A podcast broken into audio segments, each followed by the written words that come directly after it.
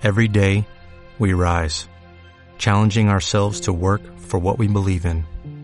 At U.S. Border Patrol, protecting our borders is more than a job, it's a calling. Agents answer the call, working together to keep our country and communities safe. If you're ready for a new mission, join U.S. Border Patrol and go beyond. Learn more at cbp.gov/careers. Infoescoles!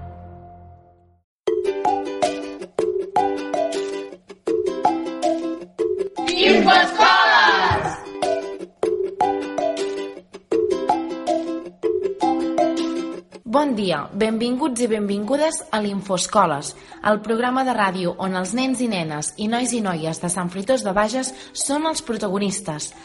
Pares, mares, tiets, tietes, avis i àvies, germans i germanes i totes aquelles persones que ens estiguin escoltant, pareu bé les orelles. El primer Infoscoles del curs està a punt de començar.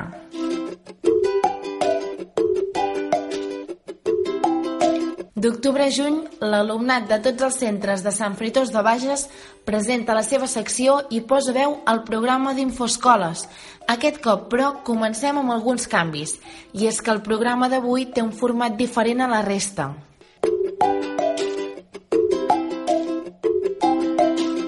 Monsenyor Givert ens explicarà que el fil conductor d'aquest curs escolar són els invents. El director del centre, Joan Piella, juntament amb la Judit Aroca de cinquè de primària i l'Adam Singla de primer, ens parlaran en què consisteix.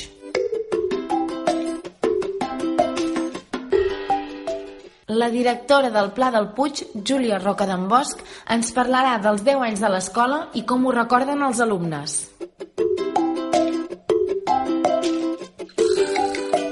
Des del Paidos recuperem una entrevista que van fer els alumnes l'any passat i a l'Institut Gerbert d'Orillac hem entrevistat a Marina Bonilla, professora de Batxibac que coordina la delegació de francesos que venen d'intercanvi.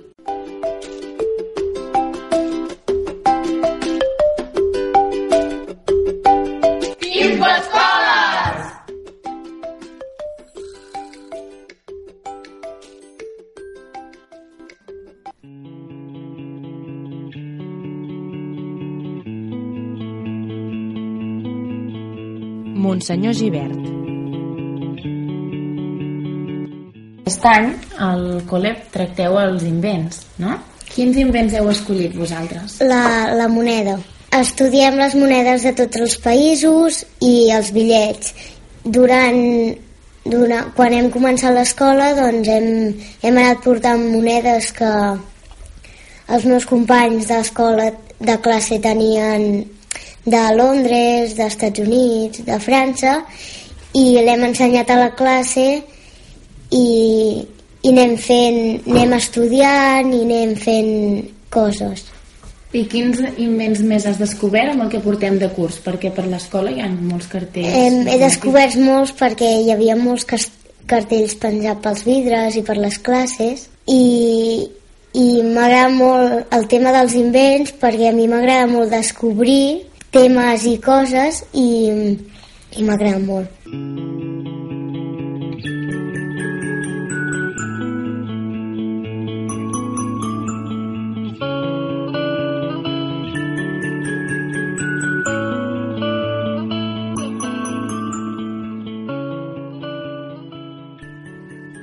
Quins invents heu escollit vosaltres?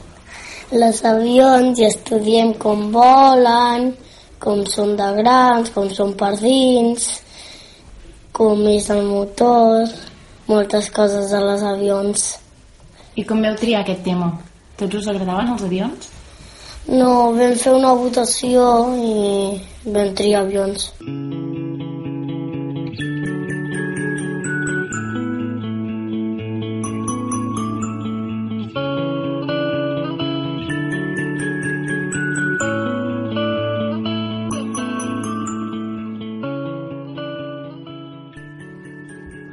de tot, Joan, bon dia. Bon dia. Com encareu aquest curs? Bueno, L'encarem amb molta il·lusió, molta il·lusió, la veritat. Vàrem tenir un molt bon començament de curs. Eh, a vegades a l'escola sempre patim si tindrem o no tindrem tots els mestres el dia 1 de setembre, que és quan comencem. i la veritat s'ha pogut començar amb tota normalitat teníem tots els tutors teníem tot el personal per poder engegar el curs el dia 12 de setembre i un cop s'engega el curs s'escull un fil conductor que aquest any és els invents com sí. va sorgir aquesta idea? Bé, l'escola ja, ja portem molts anys que sempre tenim un tema general d'escola i aquest any doncs vàrem decidir que treballaríem els invents el 12 de setembre, que és el primer dia de curs, sempre fem un acte d'inauguració de, de curs, no?, amb els nostres alumnes. I aquest any vam tenir la gran sort que ens va venir un personatge, un ajudant d'un gran científic, l'Albert Einstein. I, la, I aquest ajudant ens va explicar mm, coses molt interessants, que, que sent el tema dels invents podríem descobrir moltes coses, ens podríem fer moltes preguntes, podríem observar, experimentar, i això és molt interessant. Fer-se bones preguntes és fantàstic. I un cop heu escollit el tema i ho presenteu als alumnes, quin fil segueix? Després nosaltres estem durant tot aquest primer i segon trimestre treballant aquest projecte, aquest tema general de l'Escola d'Invents, i després per la Setmana Cultural, mm, que és una setmana dedicada només a, al tema general d'escola, doncs es treballen en moltes activitats, conjuntament també en biblioteca, i després l'últim dia de la setmana, el divendres, fem el que en diem l'escola oberta, que venen tots els pares i mares a l'escola doncs, per veure què és, què és el que realment s'ha treballat a l'escola amb els seus fills i és un dia molt bonic perquè està plena a rebentar l'escola i és el dia que es presenta en aquest cas a cinquè B les, monedes o a primer els avions sí, sí, no? a la classe de la roda les baldufes, els vaixells de vapor els submarins els avions tal com ens deia l'Adam es presenten tots els noms de les classes Mm. També, a més, eh, perquè els nens vagin coneixent una mica els invents, podem veure per tota l'escola alguns cartells informatius amb qui és l'inventor, eh, sí. de què serveix... Sí, ens va semblar que podia ser interessant. És un tema que crec que, que donarà molt de sí i lògicament tenim 18 aules doncs 18 invents però tu comences a mirar i a rumiar i veus que d'invents se n'han fet moltíssims al llarg de la història des de, des de la prehistòria fins, fins avui en dia i ens va semblar que, que es podia fer una fitxa tècnica per l'escola ja en tenim penjats no sé si uns 90-95 invents i els que queden encara per, per col·locar i bé, ens en donem compte que, el, que els alumnes doncs se'l miren no? Esclar, qui va inventar la cremallera doncs qui va inventar el clip mm. és interessant sí, de vegades és... potser descobreixes coses que no t'imaginaves, no? I Qui tu... va inventar la nevera? No ens ho preguntem. Totalment, o, o l'agulla imperdible. Sí, totalment. O, o la roda, després comences a, a llegir i va ser doncs, un gran invent, ja, va, ja ve de la prehistòria, no? I sí, eh, aquesta curiositat, aquestes ganes de, de voler saber, doncs és interessant i volem transmetre-ho als nostres alumnes i que es puguin arribar a fer molt bones preguntes, mm. perquè ells són molt espavilats. Mm. També ens has dit alguns noms d'algunes classes, suposo que a mesura que avancen els anys els, els noms també canvien, no? Suposo que els més grans ja tiren més cap a l'internet o alguna Correcte, cosa així justament, els més sí. petits no. Com que això ho decideixen els alumnes però sempre també assessorats pels mestres no és el mateix un, un nom de la classe d'educació infantil que d'un cinquè o sisè esclar, per exemple hi ha una classe de, de cinquè que, que ha agafat el wifi un tema molt actual i, i en podran parlar molt i podran descobrir moltes coses lògicament per exemple hi ha el cicle inicial doncs, que ha agafat més temes de transport com pot ser submarins el vaixell de vapor que va ser la gran revolució clar, intentem una mica les temàtiques dels diferents invents poder-les adreçar amb alumnes que puguin entendre també coses no? Mm. Doncs moltes gràcies, Joan. Gràcies a vosaltres.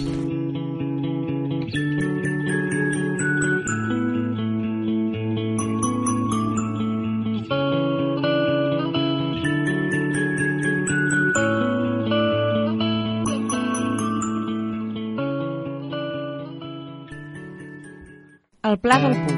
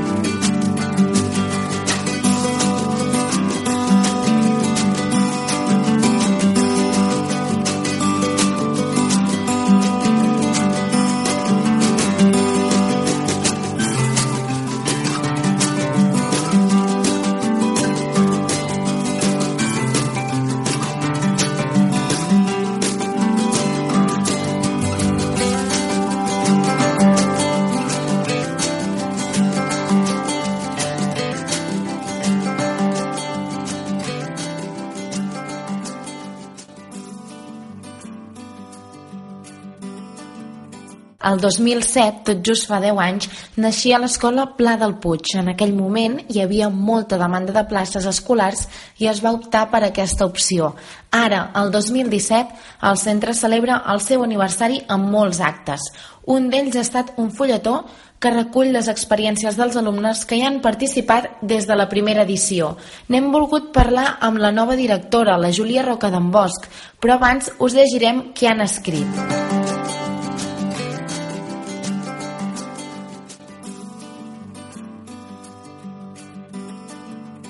Als alumnes de P3 els agradaria aprendre tot jugant amb altres nens i nenes, mirar contes, fer puzzles i cantar.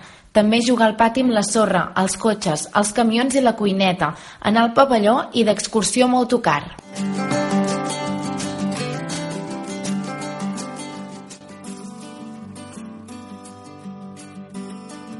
Des de l'escola han potenciat el treball pràctic participant en diferents projectes comuns, camins de gel, vetes i fils o convidant diferents artistes locals. Als nens i nenes de P4 els agraden les joguines de l'escola, els cotxes i les nines, els trens, els dinosaures, jugar a cuinetes i a metges, la granja i el castell, fer construccions, pintar i fer gegants.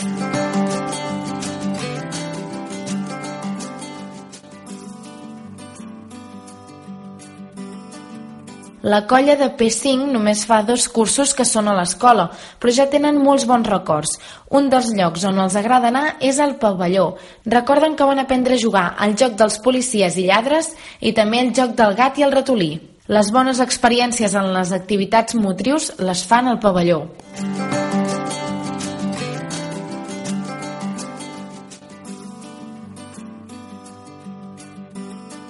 També s'han treballat temes d'història des d'educació infantil i durant tota la primària.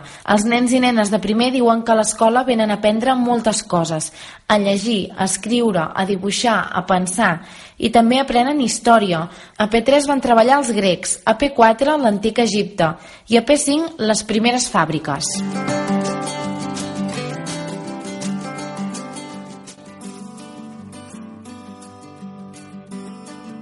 Des de sempre, Pla del Puig fomenta la participació de l'escola en les festes tradicionals del poble.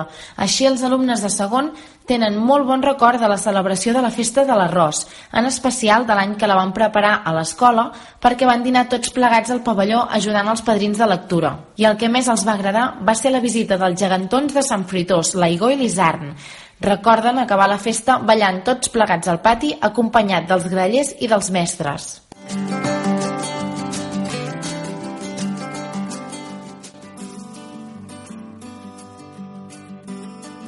La descoberta de l'entorn més proper és el que recorden els alumnes de tercer. Al grup de tercer, una de les activitats que més els va agradar és la sortida que fan l'últim dia de curs al Puig. Allà esmorzen tots junts, juguen al bosc, fan cabanes i s'amaguen. És molt divertit.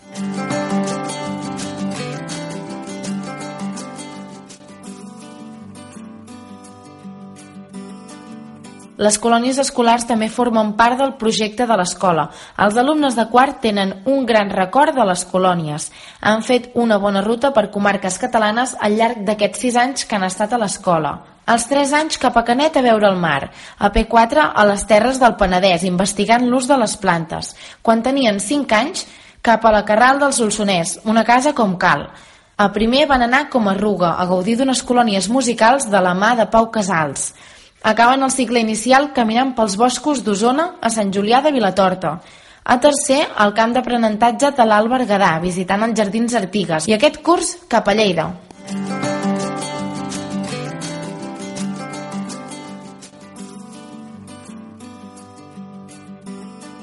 L'hort escolar i les sortides són una eina important en el treball del coneixement del medi i l'entorn.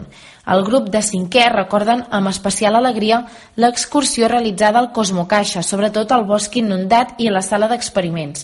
Una altra sortida que els va semblar molt interessant va ser la visita al Palau de la Música, on van veure l'espectacle Big Band Beethoven. Els va impressionar molt la decoració modernista de l'edifici.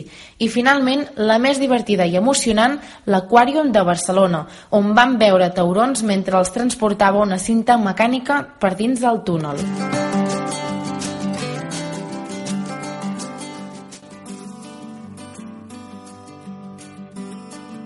El Pla del Puig també fomenta l'hàbit d'assistir a diferents manifestacions culturals, música, teatre, etc.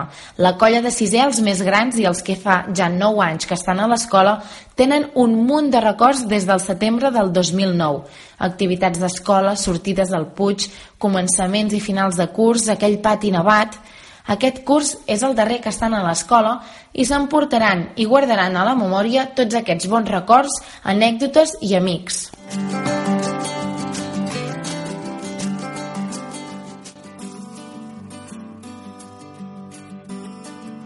Entre aquests bons records hi ha el primer dia de curs, al setembre, l'emoció de retrobar els companys i conèixer de nous, de tornar a veure els mestres coneguts i la intriga de saber qui seran els nous, entrar a la classe i saber les noves activitats que faran tots plegats, excursions, les colònies, el treball de recerca, festes, Recorden i recordaran el Pla del Puig amb estima perquè és la seva escola, on han crescut, on han fet amics, on han après moltes coses i perquè al ser més aviat petita és acollidora i permet que tothom es conegui a l'hora del pati, del menjador i tothom els tracta molt bé i tenen molta cura d'ells. Una de les activitats que recorden amb emoció i entusiasme és la Cantània, la cinquena que es va fer al Pla del Puig. La fan els nois i noies de cinquè i és un espectacle que es comparteix amb altres escoles. Es fa un teatre de debò amb actors, una orquestra professional i davant de gairebé 500 espectadors. Tots feien molt goig i va ser una experiència única. Des del Pla del Puig desitgen poder continuar gaudint de la confiança dels pares i el treball compartit.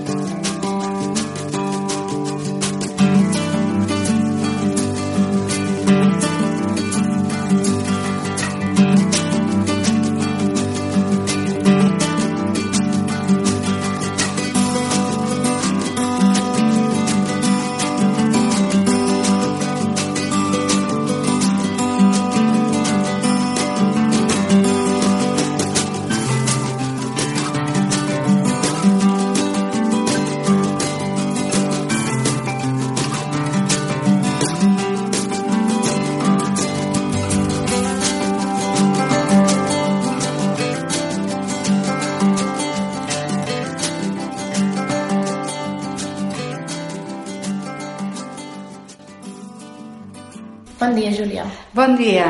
Són 10 anys ja i aquest temps hi ha hagut molts canvis. Quina ha estat l'evolució de l'escola?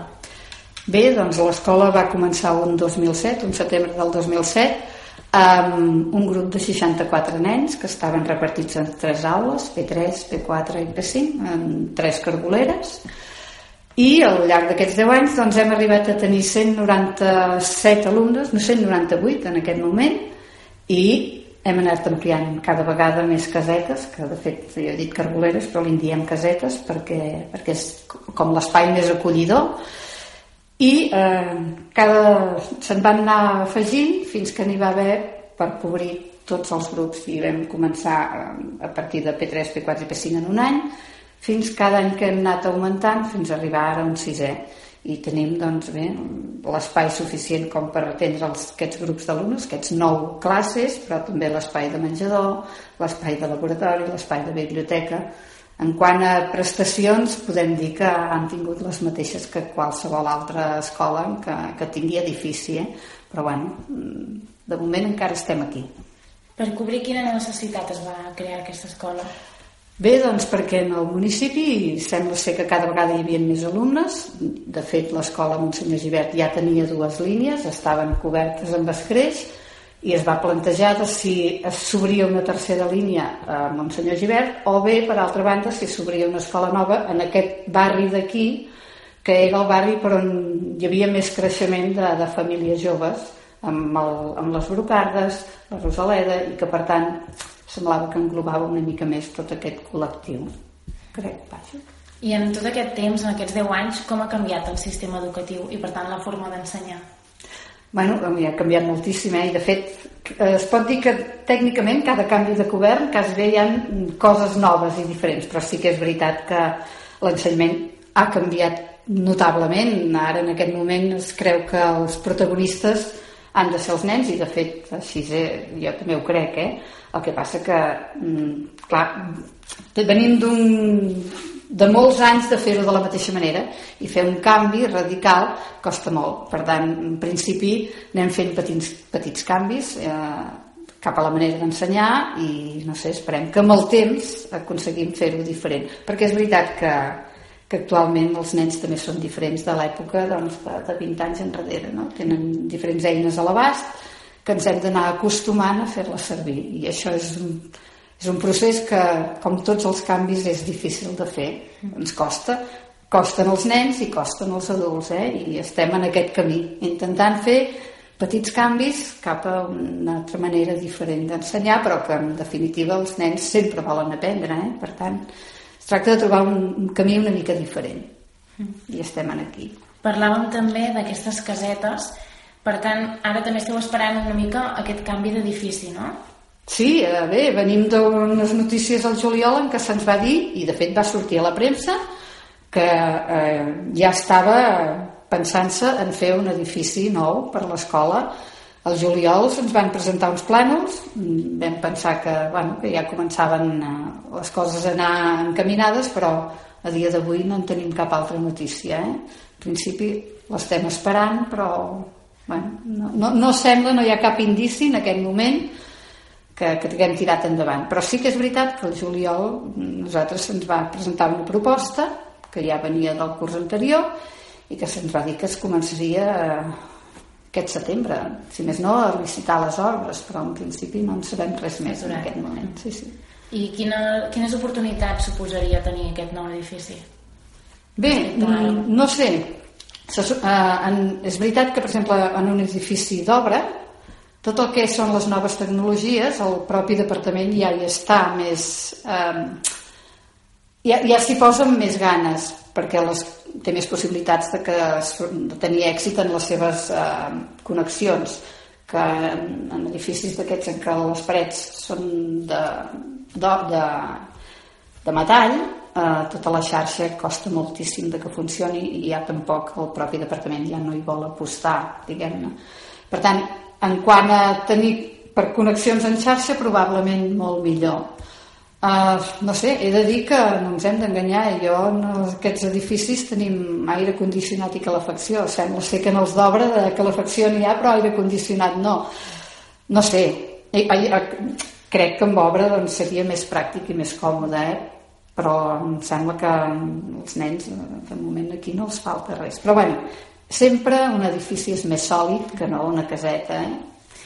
No sé com no, sé, no, no hem vist els plànols tampoc no sé si ja estan posats en funcionament però bueno, esperem que sí que estiguin pensats per nens i en l'espai on som seria important que hi hagués doncs, molta claror perquè l'espai és molt bonic i és un privilegi poder estar aquí fent classe sortir al pati i tenir el Puig aquí davant.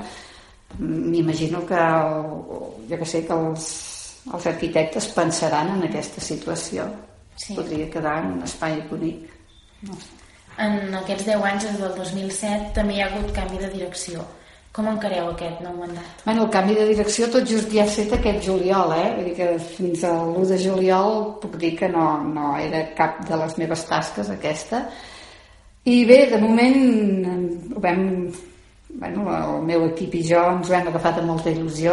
És veritat que aquest començament de curs ha estat d'orillo, no ens hem d'enganyar, però la gent que treballa aquí eh, està molt entusiasmada, són gent que, que fan la seva feina amb vocació i amb ganes, i els pares, fins a aquest moment, tota la seva predisposició ha estat a les meves mans, vull dir que només falta que demani una cosa com perquè ells em responguin i, i em donin els meus, el seu suport en quant als nens, jo estic convençuda que els nens sempre volen aprendre perquè, perquè és innat i perquè és el tarannà de, de tothom, o així hauríem de procurar que fos. Per tant, la nostra il·lusió és màxima en tirar, en continuar el projecte que es va iniciar i que pugui durar tant temps com sigui possible i amb la màxima qualitat d'aprenentatges pels nens. Perquè els objectius més concrets o reptes o fins i tot dificultats a les quals us enfronteu Mm, bueno, és veritat que els nens reben molts inputs de fora i per tant és, cada vegada és més difícil que des de l'escola puguis en certa manera motivar-los. Però bueno, això deu passar aquí a tot arreu. Per tant es tracta de pensar en estratègies que, que els bueno, que els donin ganes d'anar a escola. I estic segur que, que hi són eh? el que passa que és veritat que tot el que ve o poden tenir a fora és com més atraient que no el que tu els puguis explicar des d'aquí o, o fer des d'aquí um, tot el que suposa un esforç en, en aquest moment en els nens els sembla que ja és excessiu. Uh, no va per aquí però bueno, ja ho anirem aprenent de mica en mica eh? perquè, perquè sí, els sembla que tot ha de ser fàcil i no sempre tot és fàcil i això bueno, en aquest moment costa, costa.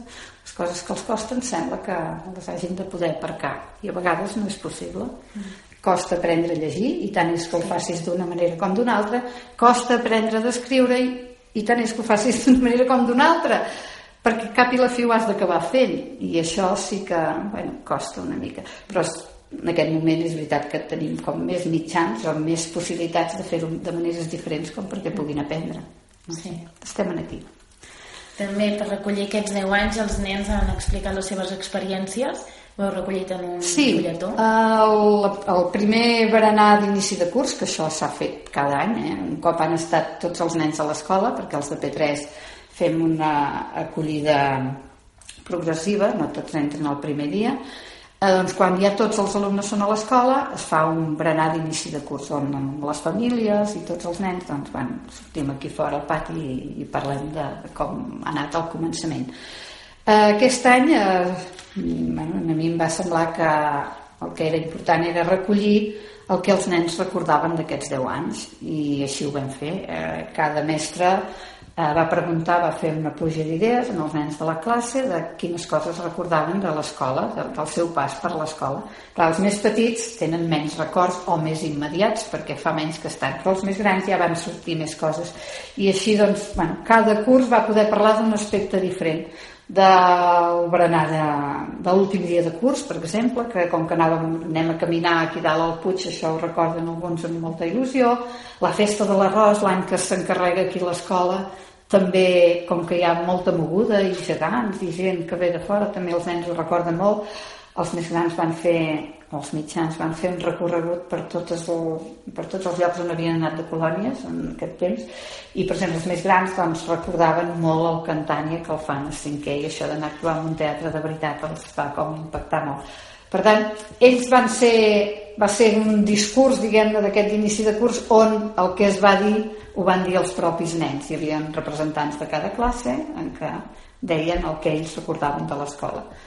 Per això, perquè, bueno, perquè a mi em sembla que en aquest cas les escoles, els protagonistes han de ser els nens, perquè si no... I per tant va ser el primer acte en què vam parlar d'aquests 10 anys d'història de l'escola. En anirem fent al llarg de tot el curs, però bueno, aquest va ser el primer. També heu fet un nou mural de la Sant Fruitosenca Clara Oliveres aquí a l'entrada. Sí. Què simbolitza? Uh, molt bé, uh, doncs uh, és, és molt bonic, per cert. Uh, simbolitza que cada any a l'escola va començar tenint un projecte de història. Cada any uh, fèiem un, projecte transversal uh, parlant d'una època de, de la història, des de la prehistòria fins, per exemple, l'any passat que vam estar parlant de la revolució industrial i això ho, feim, ho fem tota l'escola, de fet. I la Clara Oliveres ha recollit això. Cada any hi ha una part de la història en què eh, ella l'ha dibuixat aquí fora i doncs això hi ha totes aquestes deu parts començant per la prehistòria, passant per el, eh, per el temps dels egipcis, passant per els romans, passant pels castells, passant per les masies, pels pagesos, diguem-ne, passant eh, per l'aigua, que és una cosa vitu, eh, vital al llarg de, de la vida dels humans, diguem-ne, per les persones, i bueno, l'any passat, o l'època dels bandolers, no sé, fins a tenir-ne 10, i l'any passat vam acabar amb la revolució industrial. I això sí que ho fem tota l'escola, i la festa de final de curs també va entorn a aquest eix transversal que treballem a l'escola durant tot l'any. I quin és l'eix transversal o el fil conductor d'aquest any? Aquest any es diu 10 anys navegant per la història. Per aquest doble sentit, perquè fa 10 anys que estem aquí a l'escola i perquè fa 10 anys que treballem aspectes de la història. I eh, bé, aquest navegant vol dir que parlarem dels mars, com al llarg de la història els humans hem anat conquerint els mars o hem anat navegant per als mars. I així també de pas recollim una mica totes aquestes èpoques anteriors que hem anat treballant, des de com ho podien fer els prehistòrics fins com ho han fet eh, els grecs o com ho poden fer, doncs, jo que sé, els que ara van en submarins. No? Una mica el títol és aquest, 10 anys navegant per la història per aquesta raó, simplement. I com encareu aquest curs? Bé, no sé, amb molta il·lusió, pensant aviam com anirà, eh, com, com ens aniran a nosaltres amb, com a nou projecte de direcció i esperem que, que, bueno, que els nens doncs, aprenguin moltíssim perquè per això hi som, diguem-ne. Eh? No sé, de moment ens fa molta il·lusió, però sí que és veritat que que són, és una tasca molt diferent de la que havia fet fins ara, però bé, jo com que crec que les persones s'ho valen, doncs estem aquí. Doncs moltes gràcies, Júlia. De res.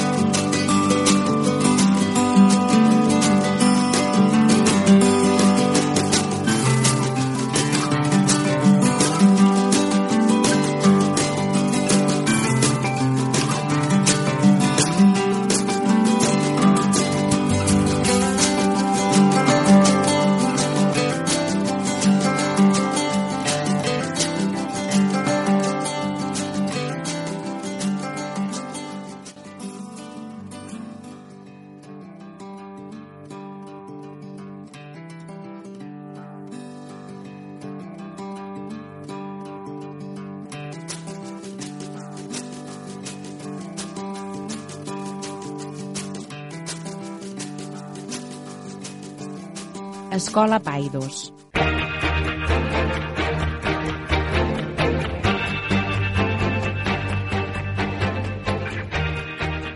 L'escola Paidos no és una escola qualsevol.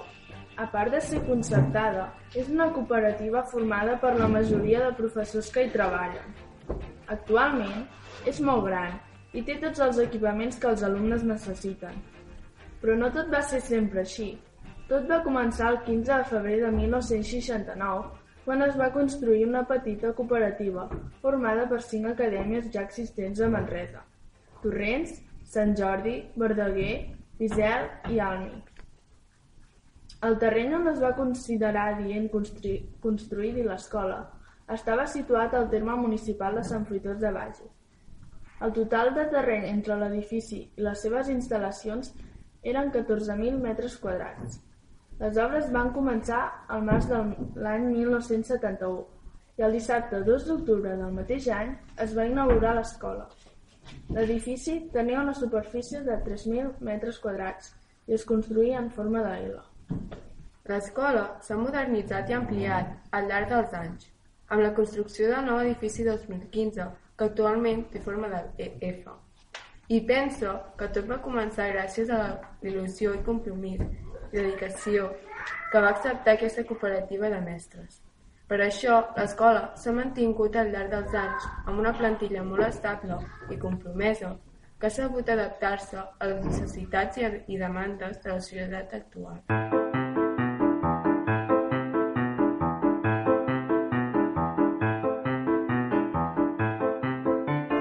Seguit entrevistarem el president de la cooperativa, Josep Oribe, i la directora, Carme Planes, de l'Escola Paios.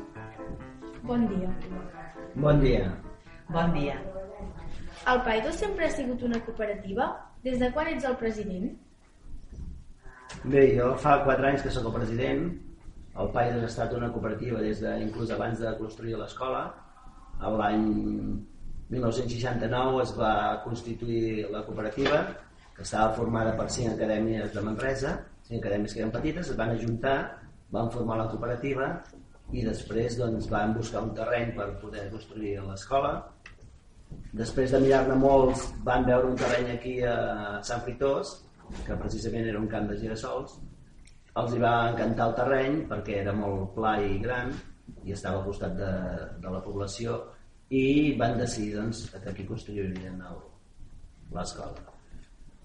Llavors, eh, sempre ha estat una cooperativa Actualment doncs, som una trentena de, de cooperativistes i, com he dit, fa quatre anys que soc el president de la cooperativa.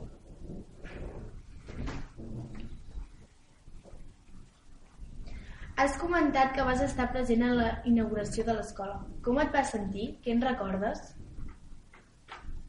Bé, una inauguració de l'escola en si no, no la recordo exactament, però sí, sí que abans de l'escola vam venir, quan encara s'estava construint, vam venir tot el, totes les acadèmies eh, aquí al, al Paidos, vam anar a la zona del Bosquet i per grups vam plantar arbres. I el que és el Bosquet ara és el de, degut als arbres que vam plantar eh, els alumnes de, de llavors. I per què el Paidos ha donat tanta importància a l'esport? Bé, eh, els fundadors van apostar des del primer moment amb l'esport. Eh, teníem unes instal·lacions, en principi era tot camps de terra, però més endavant ja es va fer una pista. Van apostar per l'esport, va començar el país va començar amb futbol, després va començar ja el bàsquet i voleibol. I sempre, des de fa molt temps, ja es va constituir el que era la, la Junta d'Esports, que és una, un nen, diguéssim, independent, però que penja del que és la cooperativa i dels pares. I llavors doncs, la Junta d'Esports sempre ha promocionat i l'escola ha recolzat l'esport aquí. I quins plans teniu pensats per al futur de l'escola? Bé, eh, estem en un moment de repensar. El futur és, és incert. Actualment doncs, el futur canvia, el present canvia totalment, contínuament, mm. i, i el futur, bé, no sabem massa doncs, el, que, el que ens depara el futur, què hi haurà, eh, les professions que hi hauran, actualment doncs, ja se sap que més d'un 60% de les professions que hi hauran en un futur, de moment encara no, no les coneixem. Tot això ens porta que estiguem en un moment que hem de repensar el model educatiu.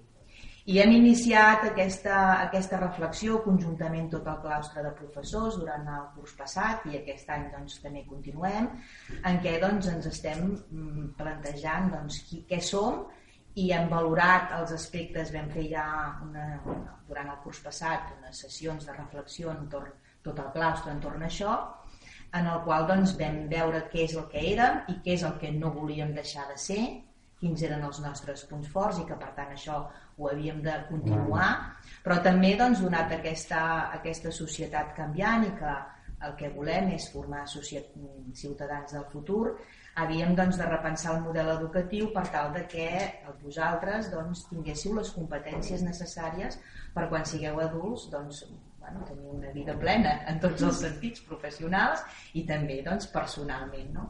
I eh, bé, en aquest camí estem. No? Estem, per una banda, reflexionant internament al claustre sobre cap on volem anar. D'aquí teniu una mica la idea de, de, de la càpsula del temps. No? Ara vam fer els 45, ens en falten 5 per, per fer els 50 i durant aquest període doncs, també ara estem reflexionant quins passos hem de fer cap on volem anar. No? Um, també ens hem, nosaltres ja, ja pensem que és molt important treballar en xarxa i estar obert amb altres escoles i estem doncs, a trams, com sabeu, estem també dins de la Federació de Cooperatives d'Ensenyament, dintre de l'agrupació escolar catalana i actualment hi ha hagut doncs, un moviment que és l'Escola Nova 21 al qual doncs, també era sol·licitada d'entrar-hi i per tant doncs, hem entrat a formar part que també la idea doncs, és treballar en xarxa a les diferents escoles que estem doncs, eh, preocupades o interessades en, en continuar avançant en el nostre model educatiu i eh, bueno, en aquest camí estem vull dir, millorar i, i, i anar cada vegada doncs, més eh, per educar en el futur Moltes gràcies, amb Josep i Carme. De res, moltes gràcies a vosaltres. Gràcies a vosaltres.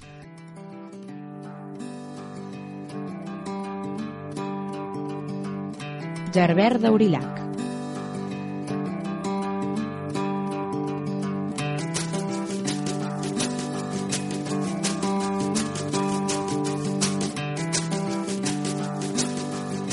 Bon dia, Marina. Bon dia. Quants anys fa que fan intercanvis amb alumnes francesos?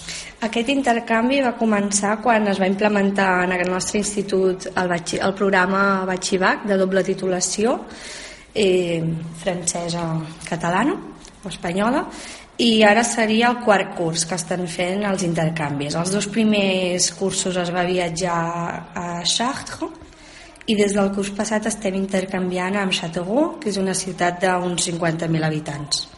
Quins alumnes hi participen?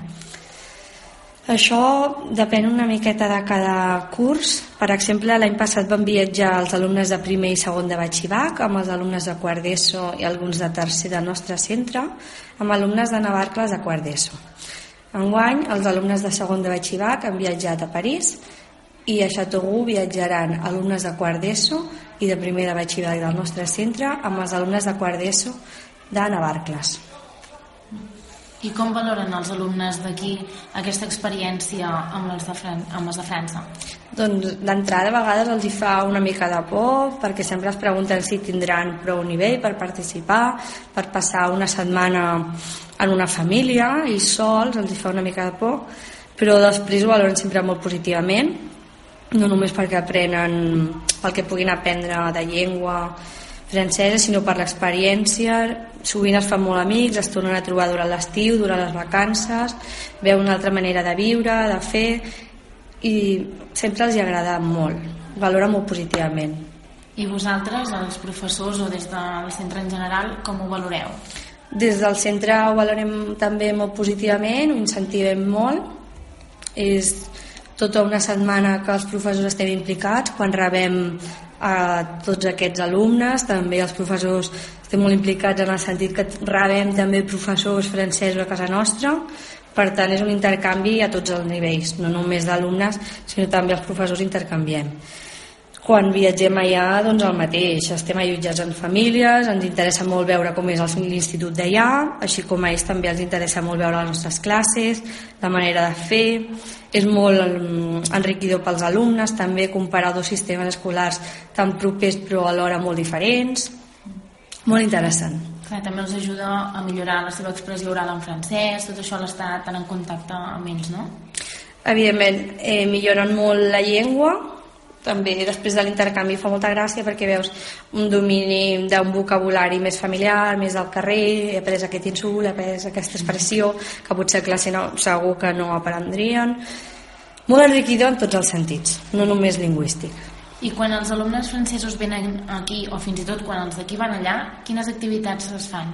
Sí, durant la setmana que ells han vingut aquí, van assistir un dia al nostre institut, cada alumne francès va tenir l'opció d'entrar mínim una hora a veure alguna, alguna classe nostra, també van visitar Sant Fritós, van anar a l'Ajuntament i la resta de dies van tenir excursions. Per exemple, un dia van anar a Barcelona, un altre dia van anar a Tarragona, van anar a Cardona, van anar a Sitges, i a Sitges, per exemple, van anar tant els nostres alumnes com els francesos. Va ser una excursió conjunta de tot un dia, que també això afavoreix que es coneguin millor. Cada dia tenien els francesos activitats, excepte el cap de setmana, que el passen en família.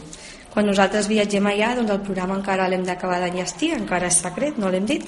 Per exemple, l'any passat vam visitar diversos castells i vam anar al parc de Futuroscop per donar així uns exemples. També vam estar a l'institut i vam fer una ruta per la ciutat d'Eix, per Chateauguin, i vam visitar un teatre. Doncs moltes gràcies, Marina. A vosaltres, gràcies.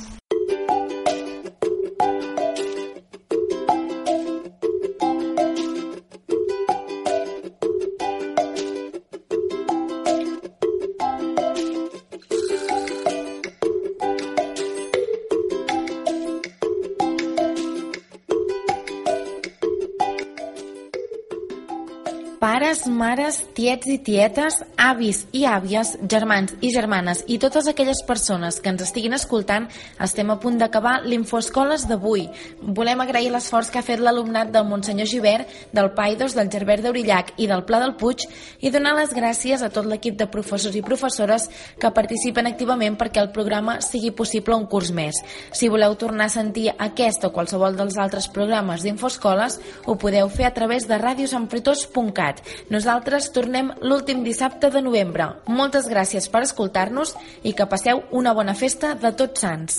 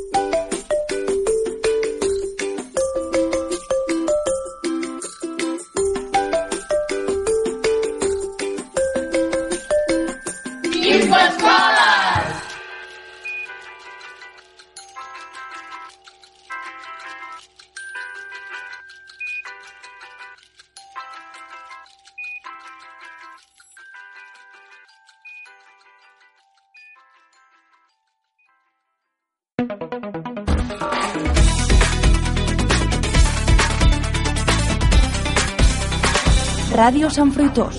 Ona.